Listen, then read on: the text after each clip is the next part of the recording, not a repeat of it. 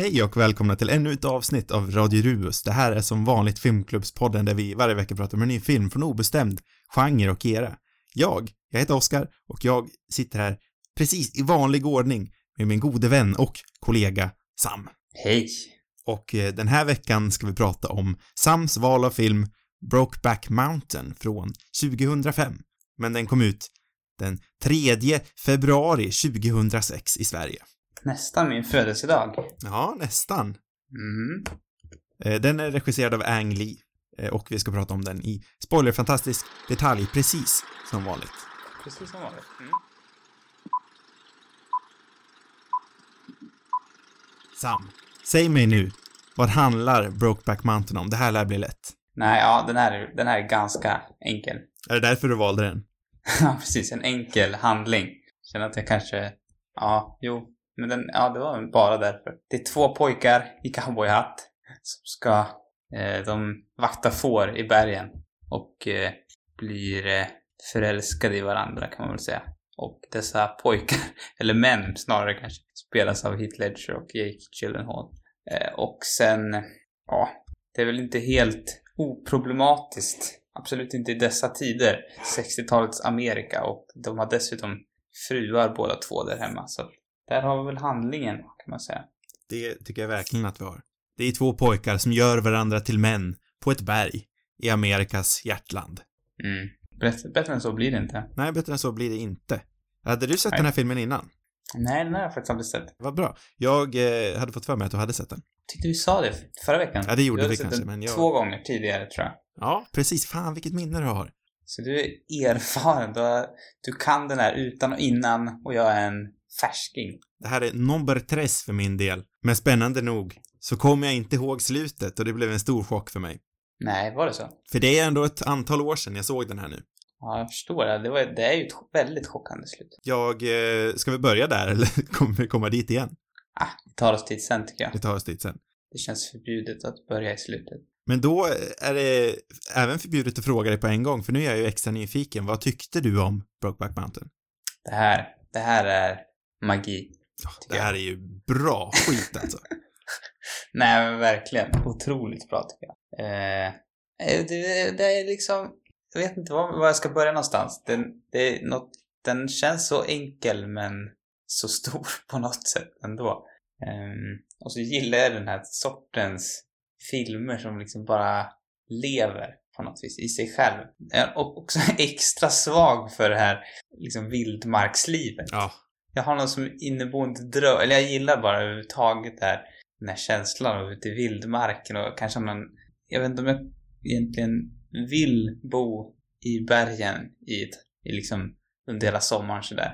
Men jag har som någon, jag, min känsla är att jag vill det. För att det känns så mysigt att packa en ryggsäck och rida iväg på en häst ut i den här fantastiska naturen. Ja, nej, jag vet inte, bara, bara det är liksom bara den stämningen. Jag tycker filmen var så mysig att på något sätt vara där med bara i den här första delen av filmen. Och sen, jag vet inte, det är både otroligt, eller alltså otroligt mysig men också väldigt liksom sorglig och gripande eh, på alla plan. jag eh, delar ditt kall till skogen. Jag känner lite likadant. Jag, innerst inne förstår jag nog att jag hade ju inte velat leva så här 24-7. Men det är ju, vi båda har ju rötter i de jämtländska skogen, i de jämtländska skogarna kan man säga. Mm. Eh, och Ja, det är väl de rötterna som försöker dra, dra mig tillbaka precis. dit jag egentligen hör hemma. Ja, men lite så kanske. Jag Men vet jag- inte. Jag håller även med dig om att det här, den här filmen är ju så fruktansvärt vacker och fin och eh, nästintill poetisk. Jag tycker den är så fruktansvärt bra. Mm. Det, och inte alls vad jag hade tänkt heller, tror jag. Nej. Jag hade nog inte tänkt mig att det var liksom den här, eh, vad ska man säga, episka berättelsen som tar plats under, under, ja men jag vet inte om det är typ 20 år eller, ja men något sånt där. Jag hade mer väntat mig att det var liksom under kortare tid. Mm. Eh, och inte heller, jag vet, delvis kan vi ha problem ibland med filmer som, som just gör den här liksom, långa resandetiden och använder sig av samma skådespelare som det är väldigt svårt liksom att eh, eller jag tycker det är svårt att för skådespelare att på något sätt porträttera både en jag vet inte, att porträttera en, en äldre version av sig själv eller en yngre. Alltså det är svårt att på något sätt göra det trovärdigt kan jag tycka. Även om, eh, oberoende om man har bra smink eller inte, så kanske liksom själva intrycket där är, kan vara ganska svårt. Det ligger ju sen, i bra skådespel. Ja, mycket, väldigt mycket bra skådespel.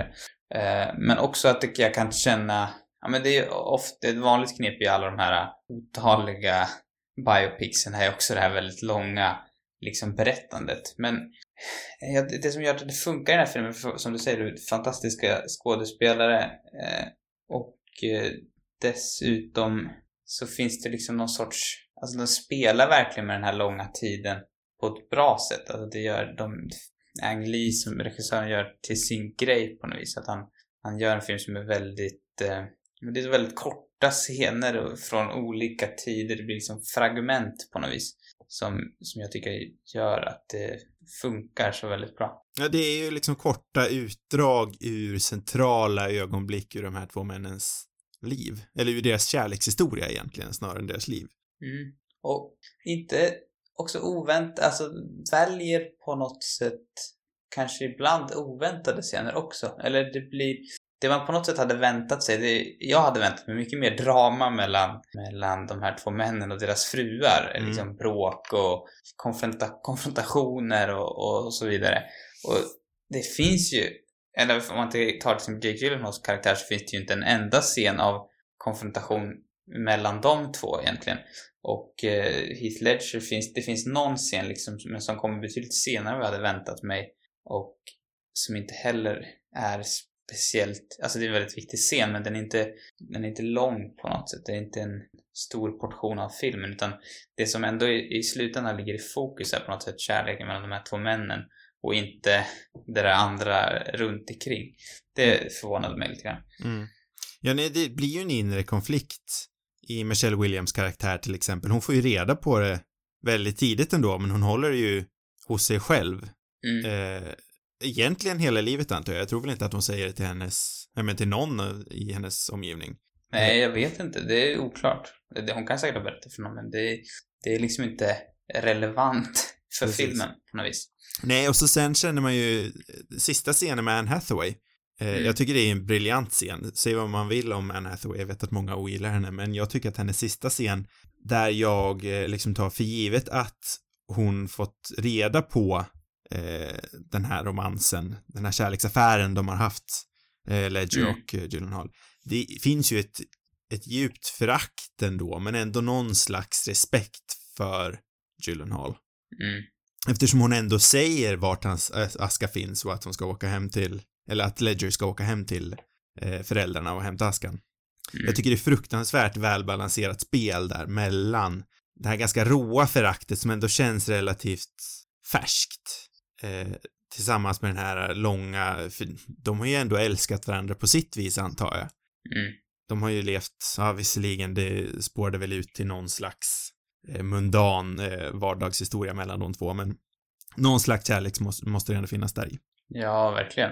Och, nej men jag vet, alltså jag kan inte, jag tycker ju Anne Hathaway är väldigt duktig som skådis också. Det är kanske, jag kan känna att man har missat eh, vissa av de filmer som faktiskt är åt det mer seriösa hållet också. Mm. För hon är ju hon är ju fantastiskt charmig och skicklig i de här mer lättsamma, roliga filmerna hon gör, har gjort mycket av. Men, men det finns ju, här, nu är inte hon alls en central karaktär i den här filmen, men det, men det lilla hon gör så är hon ju väldigt duktig, precis som de andra tre, liksom, av de fyra centrala karaktärerna. Ehm, det, det känns på något sätt som den där, liksom, som en portion ur Amerikas dramaelit. Mm. Eh, ja, framför, alltså Michelle Williams framförallt, hon känns som att hon har mer eller mindre bara gör den här typen av kvalitativa amerikanska dramafilmer. Också så här, det är någon, en genre som jag verkligen älskar. Jag tycker amerikanerna är otroligt duktiga på de här sortens filmer på något vis. Jag vet inte. Eh, och hon känns som att hon är med i alla de som är riktigt bra liksom. Tyvärr kan hon ju hamna lite i ett fack som den gråtande frun, men hon är fruktansvärt bra som den gråtande frun. Ja, det är faktiskt sant. Stackarn. Men det känns som att hon lyckas ändå göra så här olika... Det är inte olika alls samma. Olika typer av fruar. som gråter. Ja. Vi kanske inte har, hon kanske har någon mer roll där hon inte är det förhoppningsvis. Nej men, nej, det, är ju inte alls, eh, jag vet inte, det känns som att hon lyckas ändå göra något fräscht med det, även om hon kanske har hamnat lite i det facket. Det Absolut, jag ingenting mot henne alls. Hon är hur bra som helst. Och det ligger ju även någon extra tragisk flär i det hela just eftersom alla filmer med Heath Ledger känner man ju ändå har hans, eh, ja men, det tragiska i hans eh, livsslut ligger ju ändå över som ett moln över den här filmen och The Dark Knight och alla andra filmer han har gjort. Men särskilt också eftersom de två faktiskt var gifta på riktigt och hade ett barn ihop Mm. så ger ju det en extra, ett extra mörker för scenerna med dem och extra, eh, extra tragik över det hela. Mm. Ja, ja verkligen. Ja, hela den här, ja men filmen överhuvudtaget också blir ju extra, jag vet inte. Det är inte, Dark Knight är ju en annan, då spelar han ju så pass, liksom, det är ju inte den mest känslosamma, även om det också är speciellt såklart att se, men, Mm. men absolut i den här rollen som har ett så liksom gripande och dramatiskt slut och, eller hela historien egentligen. Som, jag vet inte, just hans, hans karaktär är, har man så, tycker man så synd om också på något vis. Och eh, man kan ändå tänka sig att det har funnits många som honom tidigare och också att det, kan, att det kanske finns någonting, eh, jag vet inte, att det fanns något, liksom, något trasigt inom Heath Ledger- själv också. Mm. När de inte har någon insyn i det liksom. Men jag vet inte, just kombinationen av, av det och hans öde är ju, blir ju extra gripande. Det är, det är, alltså det är svårt att inte prata om det, men någonstans ska man kanske försöka ändå se hans, hans eh, filmografi utan, eh, gla, alltså utan de här glasögonen om hans öde på sig. Bara se den här rolltolkningen för det den är utan att lägga över hans, hans död på det. Men det blir också svårt som sagt. Mm. Ja, men jag tycker ändå att det går eh, väldigt bra ändå. Eller alltså det, det går liksom inte att ta ifrån honom hur duktig han var. Nej, Och, alltså eh, han är så jäkla bra. Ja, jag tycker båda de, alltså även om inte det här, jag kan, tycker inte att det här är Gyllenhaals bästa film jag har sett honom i. Det kanske också är, jag är, det kan bero på att, på att Heath Ledgers karaktär är den som jag tror jag känner mest starkast för på något vis. Mm. Just för att han är den här tysta, eh, jag vet inte, ja men den karaktären, man- man får väldigt stark sympati med honom. Men Gyllenhaal har gjort andra roller som är ännu, liksom, jag vet inte, vad, vad, det kanske är mer karaktären det beror på eller någonting, men Han är två är väldigt brett bra. spektrum av olika rolltolkningar. Ja, Eh, Men jag tror också, jag tycker absolut inte man ska glömma Gyllenhaal i den här rollen, för jag tycker han faktiskt är minst lika bra, för han är ju den mer Eh, Jill, eh, Ledger har ju den mer inre konflikten som han kan spela och han har ju de här nästan till djuriska utbrotten. mm. ja men han har också den mer uppenbara, kanske, eh, goda prestationen. Mm, och han får ju också det här slutet som eh, grädden på moset lite grann med, eh, ja men när eh, Gyllenhaal har dött. Mm. Så han får ju några centrala scener då som verkligen sätter ett avslut på eh, hela uppträdandet. Ja, så är det. Men jag tycker, jag tycker faktiskt att Gyllenhaal är fruktansvärt bra i den här filmen. Eh, I den här, eh, ja men hans, liksom, eh, fantastiska final då han, då de har det här uppbrottet nästan till då de står där och han säger det här klassiska citatet I wish I knew how to quit you. Det är Mm. ju så fruktansvärt tragiskt och jag tror jag kommer säga tragiskt och vackert flera gånger här avsnittet, men det är verkligen det. Och vet, många hånar ju den där repliken, men jag tycker att det är jättebra och Gyllenhaal är så fantastisk i hela den scenen, hela filmen, men särskilt i den scenen. Jag tycker verkligen att han förmedlar, vad ska man säga, något slags förtvivlan men samtidigt hopp över att den här kärleken någonstans ska gå fullt ut. Även fast han vet att den säkert inte kommer göra det. Och det, bi det bidrar ju väldigt mycket att den här filmen utspelar sig 63. Eh, den hade ju, det, det finns absolut, eh, jag tror inte det är helt smärtfritt att komma ut som två homosexuella män i Amerikas hjärtland idag heller, men särskilt Nej. inte under 60-talet. Nej, verkligen inte. Det var liksom, det var bara inte okej. Nej men, Nej, men precis, var- man, och farligt för ens eget liv också. precis. Jag tycker man kan, eh, Randy Quaids reaktion till hela relationen är ju kanske det som definierar allas, eh, Mm. allmänhetens reaktion. Mm. Eh, men hur, eh, nu går jag in lite på slutet ändå. Mm. Hur tolkar du Gyllenhaals avslut, hans död? Vad, eh, För de hur? Klipper ju under det här telefonsamtalet eh, med Hathaways, eh, eh, hennes slutscen där som jag pratade om, där hon är så underbar. Mm. Eh, när hon berättar om hur han dog så klipper de ju snabbt till en sekvens, eller en liten eh, bildbit bara där män sparkar på en man på marken. Tre män tror jag sparkar på en liggande man. Mm. Och eh, man ska väl anta då att det är en flashback till den här eh, karln som eh, Ledger såg när han var liten, men jag tror också man kan anta att det är så Gyllenhaal egentligen dog. Jag tyckte det såg ut som att det var Gyllenhaal. Ja, det, det det var säkert var. Gyllenhaal, men det, det är ju, tanken är ju att det ska vara lite up in the air så att säga. Ja, jo men det är ju det är ingen som uttalat bekräftar utan det är väl Ledgers karaktärs eh, tanke liksom, Precis. antar jag, om man tolkar det som. Men jag tror, jag tror att det jag i alla fall tar ifrån det är ju att, eh, men det här är helt en läsning från mitt håll, att eh, den här nya relationen som eh, Gyllenhaal hade med någon man, att det kanske är någon i hans Mm. närhet, närhet då som kom på vad som skedde mellan de två och sen gick på Gyllenhaal och han dog. Och det var så Hathaway också fick reda på det. Ja, jag, jag, det är absolut så jag tolkar det Mm. i alla fall. Bra, då är jag Sen, inte och jag gillar ju också att, att det på något sätt ändå finns en viss, jag menar att man ändå lämnar det lite öppet. Jag det, Ang Lee, det känns som en Ang Lee-grej på något vis också.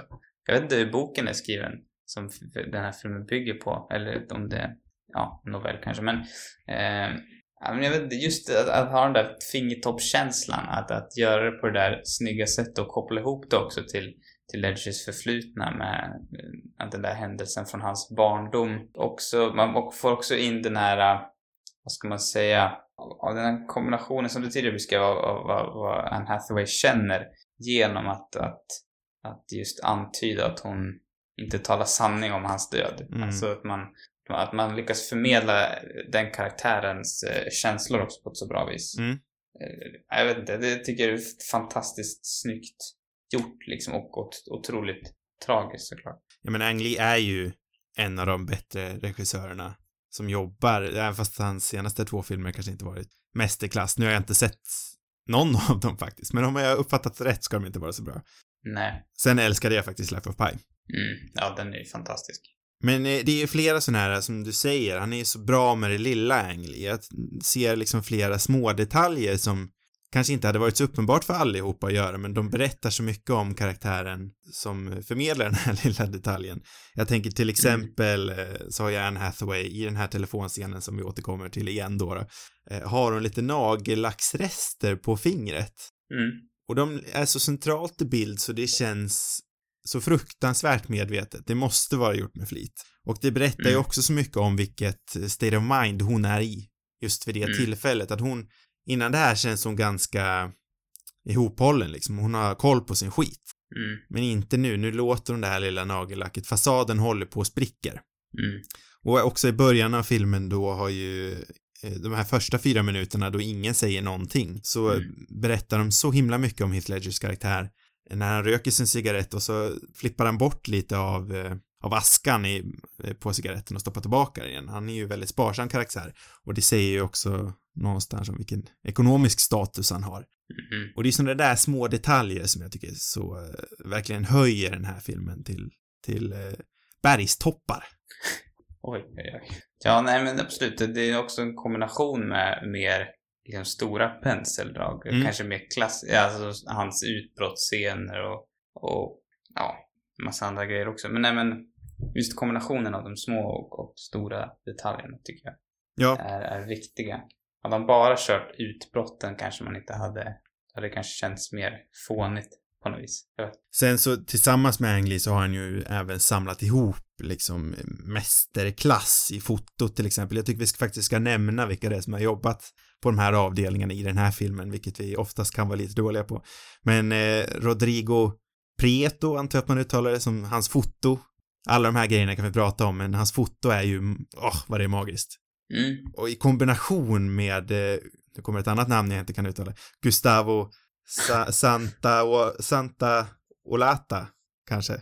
Tillsammans med hans musik. Ja, Alltså den man, är också... man blir ju, man blir ju lite emotionell. Ja, den, den är på något sätt som knyter ihop hela filmen och det finns, den finns där hela tiden. Uh, den, det, jag kan känna att den påminner om det här, den här trevliga tiden i skogen eller i bergen på något sätt. Att det är som ett, ett, ett konstant ett påminnande om, om de scenerna. För att det är där musiken introduceras i den första delen. Mm. Jo men där prickar ju uh. någonting för Brokeback Mountain är ju egentligen, jag blir förvånad över det nästan varje gång jag ser den här filmen att Brokeback Mountain är ju en ganska liten del av filmen egentligen. Alltså där de faktiskt är där. Mm, ja, Men det, det, som händer är ju centralt. Brokeback Mountain är ju ändå centralt överallt. Ja. Det ligger ju där ovanför och svävar över dem. Och det förmedlas också med musiken som du säger, så det är en väldigt bra poäng. Jag tycker det är skitbra. Sen tycker jag även att det påminner, eh, vi har ju sett Grizzly Man på den här podden för eller i den här podden mm. för. Eh, och den kom ju två år innan det här va, om jag inte minns helt fel, 2003. Eh, och jag tycker att fotot och musiken påminner lite grann, så man undrar ju om, om Ang Lee kanske såg Grizzly Man och blev lite inspirerad. Hela känslan tycker jag med den filmen, den har ju också det där, eh, men han känns ju också som en väldigt trasig person på något vis, mm. som man får följa med. Och på samma gång som man har, som att han har något, han har som någon, jag vet inte, lite samma grej som med Heath Ledger, att det finns, jag vet inte hur man ska beskriva det, det är ju som en speciell känsla med, med båda de två, att det, det finns något eh, speciellt på mm. något sätt. Eh, någon glimt eller, inte, något, någon sorts inre charm, men ändå en stor liksom, dysterhet eller sorg, något sorgset. Mm. Ja, nej, och, verkligen. Ja, men och sen bara det liksom, men, eh, tempot och hela känslan med Grizzly Man är ju väldigt liknande den här filmen. Mm.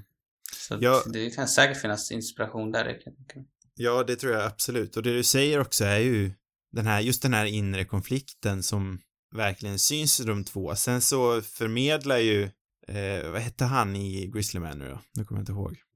Grizzly Man? Nej. Ja, vi kallar honom för Grizzly Man. Han hade ju liksom ett, ett, ett, eh, mer, han hade ju ett otroligt mörker inom sig tror jag. Ja. Och en enorm inre strid. Men hans sätt att, eh, att externalisera, vi säger att det är ett ord, att liksom förmedla det här till världen var ju mycket mer teatraliskt. Han var ju, han gömde sig ju bakom teater på något vis.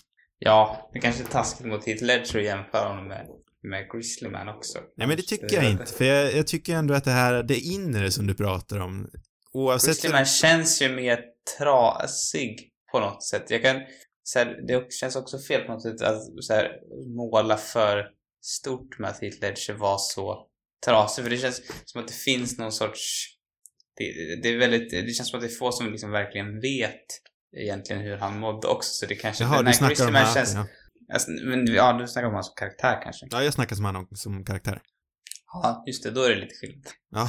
Som karaktär stämmer det ju Ja, då, då. Han är inte lika teatral, nej, men det, där, där kan man verkligen snacka om samma inre... Ja, jag vet inte, jag bara snö... Jag kom in på Heath Ledger där istället. Ja, nej, men då förstår jag vad du menar. Jag eh, snackade helt och hållet om karaktären. Ja, då, bra. Då, då lämnar vi. Då gör vi det istället tycker jag. När vi är klara. Ja. Vad ja, nej, okej, okay. ja men karaktär, verkligen.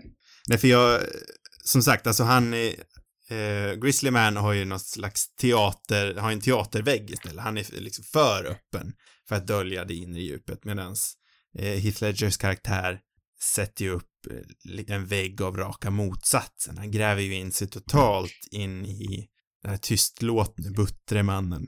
Jag tyckte det var roligt, eller som Anglib eh, har, eller beskrev den intervju jag såg, att han ville på något sätt använda sig av de här två amerikanska arketyperna. Jag vet inte om han sa så ordagrant men, men, eh, ja men först så har vi Hitlers karaktär som är väldigt mycket som den här westernhjälten. Även om inte han är en hjälte men den här tysta, fåordige, eh, inåtvände liksom, eh, ja, machotypen. Mm. Eh, och eh, Jake Gyllenhaals karaktär är mer den här drömmande, amerikanska drömmen karaktären som har väldigt mycket visioner men som kanske inte, ja, jag vet inte om det är en arketyp att han inte uppfyller dem, men just den här drömmande karaktären liksom. Och det är intressant att se de två typerna av karaktärer mötas och, och eh, ja men, ja men jag vet inte, det, det skapar ytterligare eh, intressant drama tycker jag. Särskilt i hur de sen, i alla fall Heath Ledger, sen bryter den här eh, tystlåtna arketypen i de här. För varenda gång hans, eh, ska vi kalla det sanna jag, liksom kommer ut i de här, då han öppnar upp sig. Han öppnar upp Mm. sin kärlek för Gyllenhaal. Jag får intrycket av att han inte riktigt vet hur, hur han liksom ska hantera eller uttrycka de här känslorna, så det kommer ju ut i något slags, i någon slags djurisk vrede verkligen, alltså som han har noll kontroll över. Mm. Den här första sexscenen de har till exempel, den är ju egentligen raka motsatsen till romantisk. Det är ju, det känns som någonting, men vad ska man säga, det är, det är ju inte en våldtäktsscen, men det är någonting som bara måste komma ut. Ja, jo. Jo, den är väldigt våldsam och översnabbt. Ja, Ja, Sen- nej, nej, den är verkligen inte romantisk. den känns ju inte ensidig, jag får ju uppfattningen om att båda är med på det. Ja, ja, verkligen.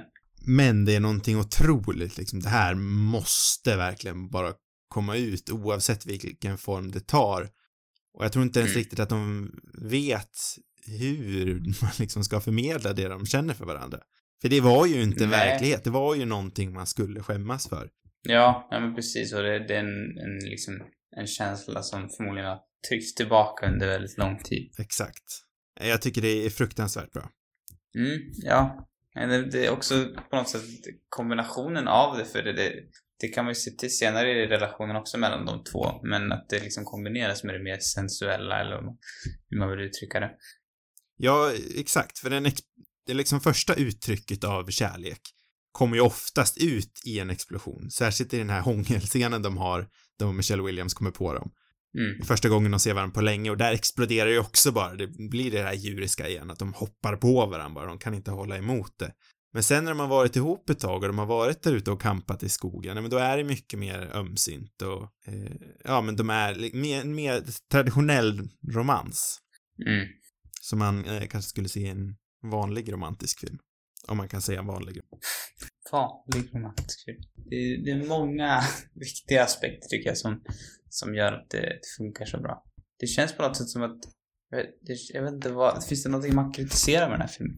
För mig gör det verkligen inte det. Det normala är ju det som du har uttryckt. Det här, men den här långa tids, tidsramen de har som jag tycker, jag tycker det är ett otroligt välformulerat, välformulerat, form. Jag tycker att det är ett otroligt välformulerat tidsflöde. Eh, och det är, jag kollade upp det här för Heath Ledger är född 79 och eh, Kate Mara är född 83. Så det Oj. skiljer ju fyra år mellan dem. Jaha, det visste jag inte. Det var ju fascinerande. Och det tycker jag inte märks alls. Nej, alltså...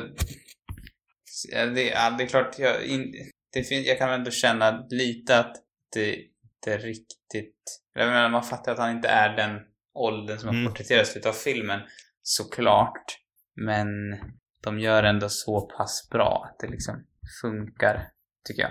Ja, för tittar man på någonting mer kontemporärt, eh, som i Vår tid är nu till exempel, som går på TV, SVTs flaggskepp, där har de ju typ exakt samma sak med en mor och dotter som det bara skiljer några, jag tror det skiljer ännu mer där.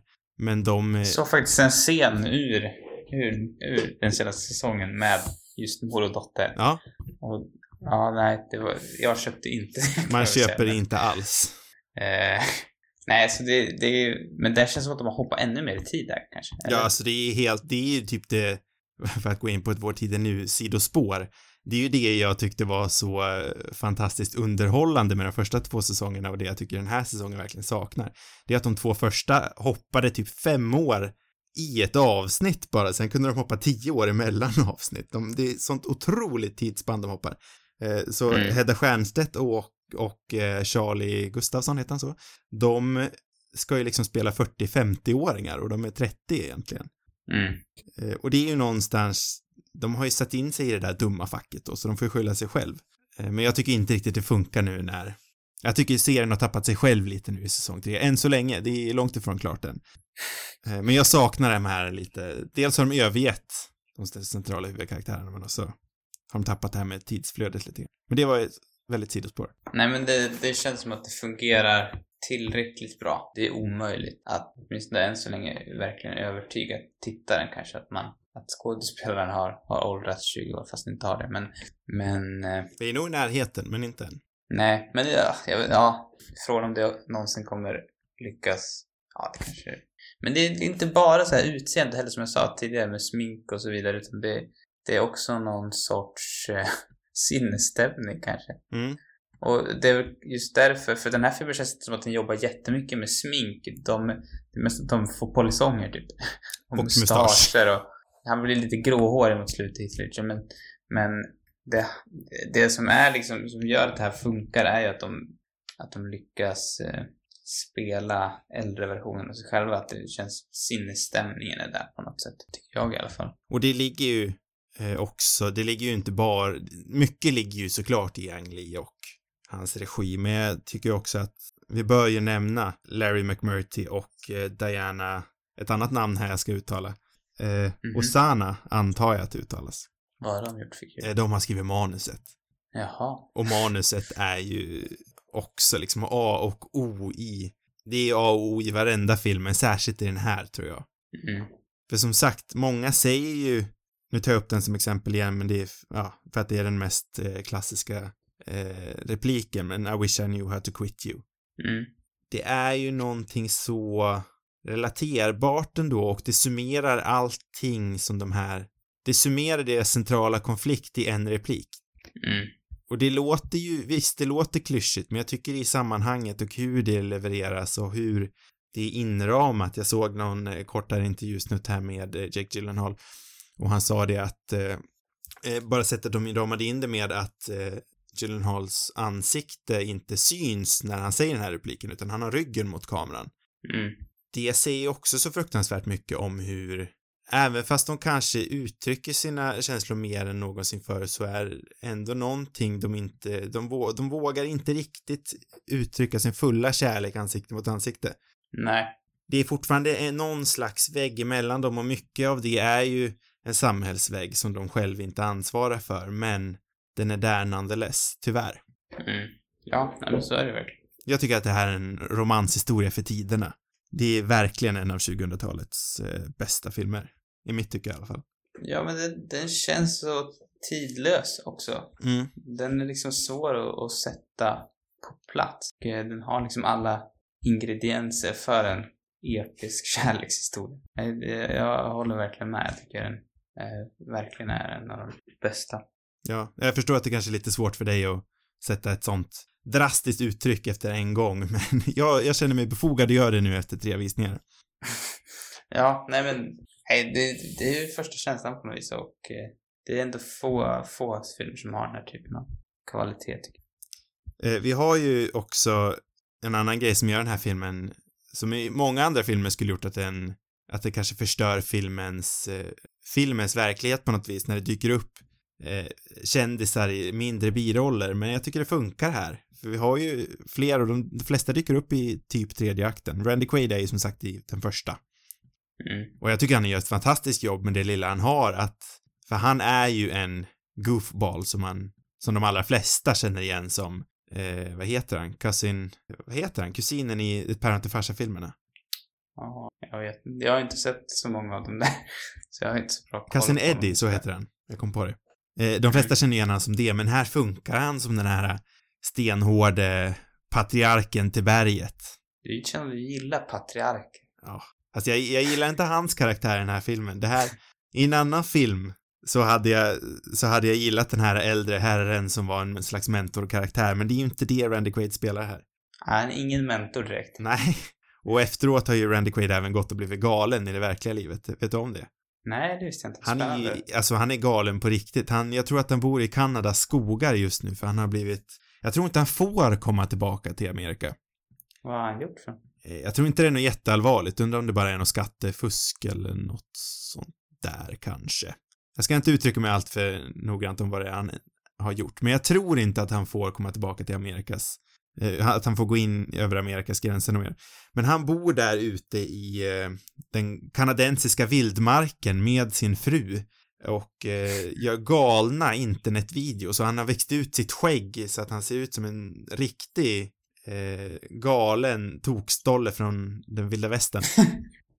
och eh, han har bland annat eh, lagt ut en sexvideo med sin fru tror jag där han bär någon, är det en Trump-mask han bär? Oj. Någonting, jag har för mig i alla fall. Jag har hört att han har lagt upp en sexvideo. Men jag tyckte jag hörde, det inte var någon intervju jag lyssnade på med, vem kan det ha varit? Som pratade just om Randy Quaid. Jag tror det var eh, på Empires senaste podcast kanske. Ja, vem var det som... Det var nog, eh, eh, eh, vad heter han, han som regissören, eh, Independence Day och 2012 och, Semex? nej, han har ju ett Nej. riktigt tyskt namn, ich, någonting. Är det inte han? Nej, inte Zemeckis, det är ju Tillbaka till framtiden. Ja, just det. Just det. Eh, ja, han heter typ så, tänker jag. Roland Emmerich. Ja, nästan. Schmecka Ja, mm, nästan, nästan, vi säger det. Schmeckrich. Eh, de snackade om eh, Randy Quaids galenskap på den podden också. Ja, Ett tips om ni inte lyssnar på Empire Podcast. Bra. just det avsnittet där Randy Quaid är med, tycker jag. Ja, Randy Quaid, det har ju inte till saken, men Randy Quaid är numera galen. Ja, jag gillar det. Så det Han var- ser galen ut på bilderna. Ja. Så det var spännande att se han här in, då man faktiskt påminns om att han är riktigt bra. Och för den här filmen, eh, för att eh, knyta an till en annan poäng jag hade skrivit upp här. Den här filmen påminner mig lite om eh, eh, den sista, vad heter den på svenska då? Den sista, eh, den sista föreställningen heter den, eller The Last Picture Show.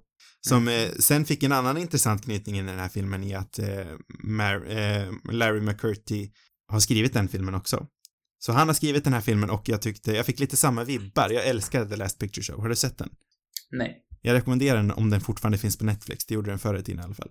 Men där är Randy Quaid med och eh, det är samma skribent som den här filmen, så jag tyckte det var en anknytning. Men The Last Picture Show ska vi snacka om någon gång i den här podden. Det har jag sagt till mig själv väldigt länge. Så du säger till dig själv på kvällarna. någon, Någon gång. gång. Mhm. Ja, det låter ju det låter lovande. Ja. Det känns på något sätt fel att vara så positiv. Det tar emot. Ja, Men jag, också här, härligt ändå. Jag, jag kämpar ju för att komma på någonting negativt. Det lämnade vi lite grann, men jag kom ju inte på någonting. Har du någonting Nej. negativt att säga om du så gärna vill ha någonting sånt? Nej, jag tycker vi skiter i det. Det här är en sån här film vi inte behöver vara negativ. Det tycker jag inte. Så då Jag, skippar vi det. jag, eh, vi har ju skaffat Mubi, både jag och Sam, per Sams rekommendation. Mm. Och där ger man ju faktiskt filmer stjärnbetyg och jag brukar ju inte gilla det men jag har fastnat lite i det nu faktiskt. Och vet du vad? Jag gav den här filmen fem av fem stjärnor på Mubi. Nej. Jo. Oj, oj, oj. Fan, jag, det är inte bra det där när jag skaffar nya såna där. Jag, jag däremot älskar att sätta betyg på saker. Det är bland det bästa jag vet. Så till, sen så sitter jag bara och liksom sätter betyg på saker. Ända tills jag är klar med att sätta betyg på saker. Då går jag till nästa tjänst. Jag får ju lite panik för jag, jag mår lite dåligt över att jag ger för många filmer femmor eller fyror. Ja, ja men det är ett problem jag har haft på, på, på IMDB för att min högsta stapel, för där kan man se lite statistik, det är faktiskt härligt. Aha. Fast för det är kanske mer ångestframkallande. Det är dock alldeles för lite statistik, för jag älskar statistik också. Eh, men man kan se eh, vad man har för, för betyg då, Mm. och så kan man se vilka, vilka år kan man säga hur många man har satt betyg på per år. Liksom. Mhm. Så man ser som en kurva där. Den är väldigt Spännande. rolig tycker jag. Ja. Eh, och sen har man top-rated genres och top-rated years också. Ska man se snittbetyg där och antalet betyg och så. Mm, det är kul. Men min högsta stapel på betyg har, det är åtta. Det känns ju inte så bra. Nej, vilket år var det på? Eller det ser du kanske? Eller så funkar Nej, alltså det är kanske. generellt. Ja, det är generellt, ja. Det är det generella. Mm. Men det bygger också på att jag var alldeles för positiv liksom när jag började typ 2011. Den givmilde tonåringen du var. Ja, så ibland så har jag lust att liksom, jag har gjort det någon gång, gått tillbaka och sett över mina betyg, men jag skulle behöva göra det en gång till tror jag. Ja, jag gick ju tillbaka, nu hamnar vi på en till, ett till sidospår här, men det, är- det är kul. Äh. Eh, jag gick ju tillbaka och, och ratade alla filmerna vi har snackat om på den här podden. Och vissa, vissa Mm. filmer var ju lite svårt att komma ihåg, så jag kände kanske att jag satte någon fyra där det skulle varit en trea. Mm. Och jag känner att- jag anstränger mig för att vara så negativ som möjligt. För att jag, jag vet att skitsamma, det får vara positivt, det är väl kul. Ja, Jag tycker överhuvudtaget är det imponerande att folk liksom lyckas få ihop filmer. ja absolut. Och det kanske är den, det kanske är den inställningen som är fel, men å andra sidan föredrar man ändå liksom att vara positiv än att vara någon som liksom ska gnälla på allting också. Jag Det tycker det- det är en film, en femma, så är det en femma. Men det, det, så är det bara. Det är det jag personligen verkligen gillar med våran podd, om man får vara lite självgod av sig, så är det det att vi, jag tycker ändå vi försöker vara så pass positiva som möjligt. Ofta snackar vi faktiskt om bra filmer, så det underlättar ju. Det är också det jag brukar försöka säga till mig själv när jag kollar på den där åtta stapeln. Att, att jag, jag försöker verkligen välja bra filmer. Så att det, det kan man ju aldrig veta förstås innan, men jag, jag lägger ju ner alldeles för mycket tid på research och alldeles för lite tid på att kolla på film. Kan jag, Ja. känna ibland. Jag tänker ju själv att det är lättare att vara negativ än att vara positiv och att ge konstruktiv, bra och positiv kritik, det är någonting värdefullt, i mitt tycke i alla fall. Och jag tycker vi gör ett ganska bra jobb med det. Det låter fint kan jag bara säga. Vi kanske ska avrunda innan vi blir, innan jag blir på tok för självgod det här, vilket jag brukar kunna bli. Ja, jag tycker det är dags för nästa veckas film. Precis, jag hade ju bestämt mig, men jag tror faktiskt att jag ändrar mig. Oj, vilken kovändning. Ja. Jag sa ju det att vi skulle se på Joe Hill, Mm, Bo. Widerbergs film, va? Nej, jo. mm. Jo, Bo Mm. Widerbergs film. Men jag hamnade i ett litet mode här nu när vi såg på Brokeback Mountain. Så jag tänker att vi ger oss tillbaka in i Amerikas hjärtland och även Alaska, tror jag. För vi ska Mhm. se på Into the Wild.